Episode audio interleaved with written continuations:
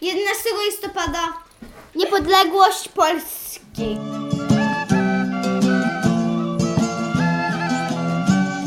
Witam Was w specjalnym odcinku historii polskiej dla dzieci oraz według dzieci. Jak pewnie wiecie, 11 listopada 2018 roku przypada stuletnia rocznica odzyskania przez Polskę niepodległości. 100 lat temu, czyli 11 listopada 1918 roku, Polska odzyskała niepodległość. Jak do tego doszło? O tym właśnie będzie dzisiejsza audycja. Polska była podzielona na trzy części. Przez 123 lata nie było Polski. Została ona podzielona na trzy części przez Niemcy, Austrię i Rosję. Gdy w 1914 roku wybuchła I wojna światowa, zaborcy, czyli właśnie te trzy kraje, Niemcy, Austria i Rosja, zaczęły obiecywać, że stworzą Polskę na nowo, jeżeli Polacy im pomogą.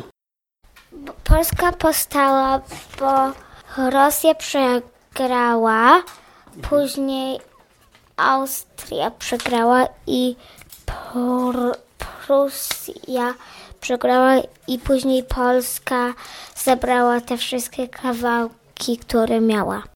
Najpierw pierwszą wojnę światową przegrała Rosja. Niemcy na terenie Rosji zrobili państwo dla Polaków i już 7 października 1918 roku Rada Regencyjna Królestwa Polskiego ogłosiła niepodległość Polski. Ta Polska była bardzo mała, to było w zasadzie tylko Warszawa i Mazowsze. Dlaczego więc my dzisiaj obchodzimy niepodległość 11 listopada, a nie 7 października? Rada Regencyjna, czyli rząd Królestwa Polskiego, tak naprawdę nie była niepodległa, bo podlegała Niemcom. Jednak później pierwszą wojnę światową przegrali także Niemcy i Austria. Wtedy zaczęło powstawać dużo małych państw na terenie Austrii. 30 października na przykład ogłosiło niepodległość małe państwo, czyli Rzeczpospolita Zakopiańska. Jego prezydentem został pisarz Stefan Żeromski. I właśnie to małe miasto, czyli Zakopane, było pierwszą naprawdę niepodległą częścią Polski. Następnego dnia, czyli 31 października, niepodległość ogłosił także Kraków. Trochę to skomplikowane, co zapamiętaliście? Kolejności.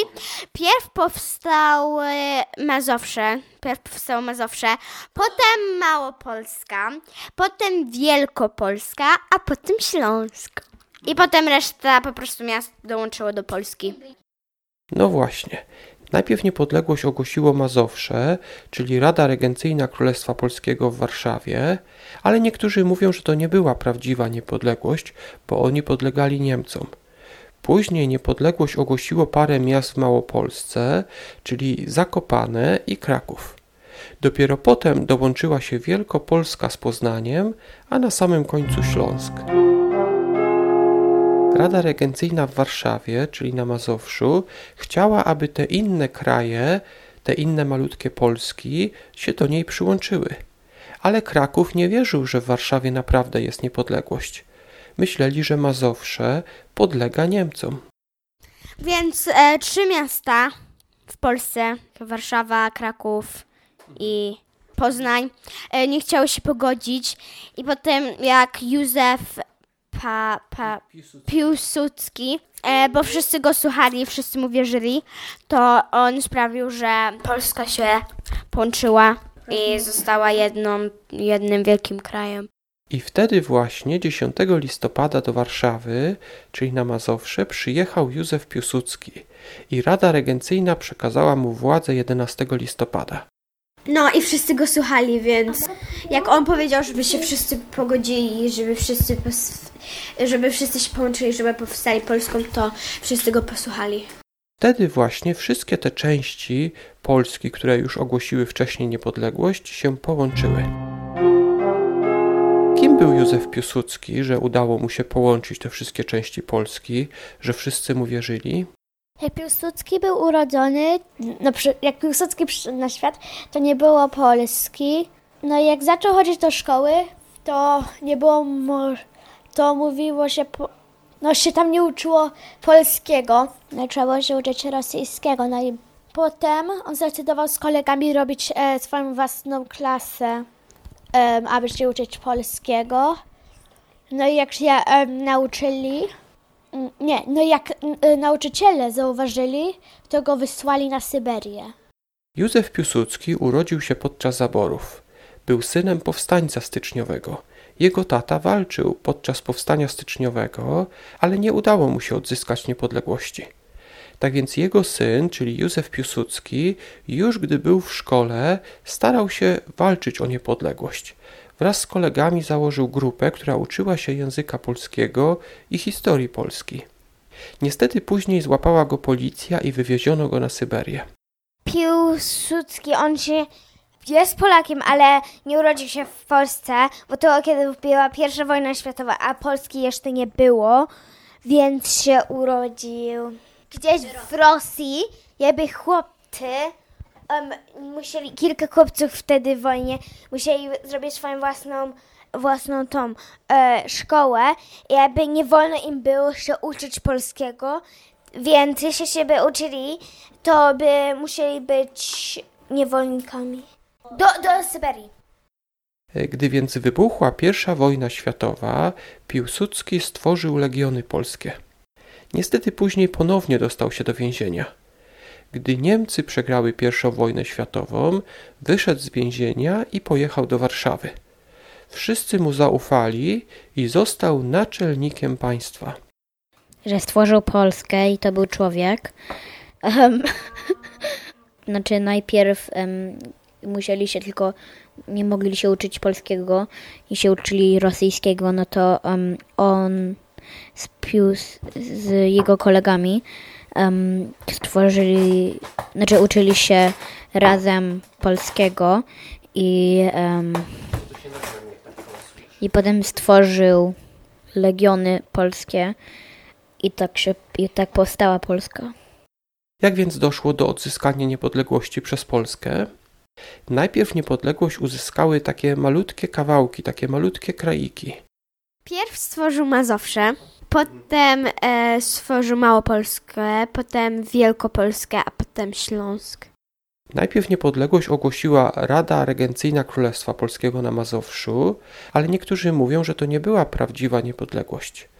Później niepodległość ogłosiło Zakopane i dzień później Kraków. Oba te miasta są w Małopolsce. 11 listopada władzę przekazano Józefowi Piłsudskiemu.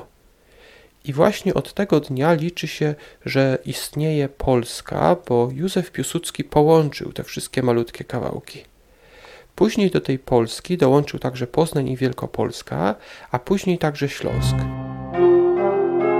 Czy zapamiętaliście, kto został naczelnikiem państwa? Jego imię było Józef Piłsudski. W momencie, gdy Józef Piłsudski został naczelnikiem państwa, do Polski należało Mazowsze i Małopolska.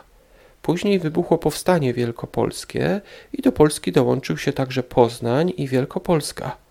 A później wybuchły aż trzy powstania śląskie i do Polski dołączył także Śląsk.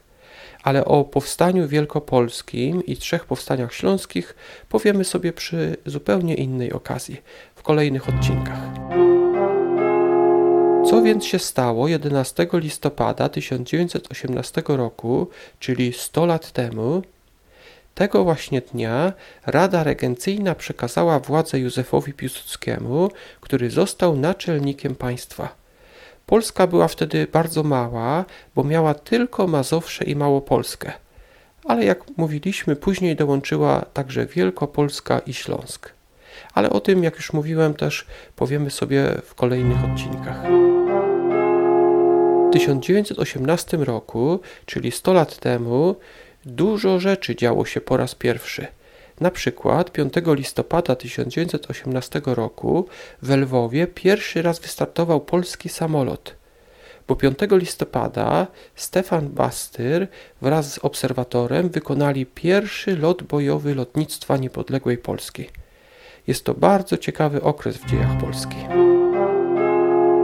Ja już dzisiaj dziękuję Wam za wysłuchanie. Zapraszam na naszą stronę internetową, czyli historiawgdzieci.pl oraz na grupę na Facebooku.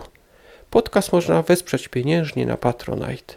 Wszystkie linki będą w notatkach. Ja jeszcze raz dziękuję Wam za wysłuchanie do końca i do usłyszenia.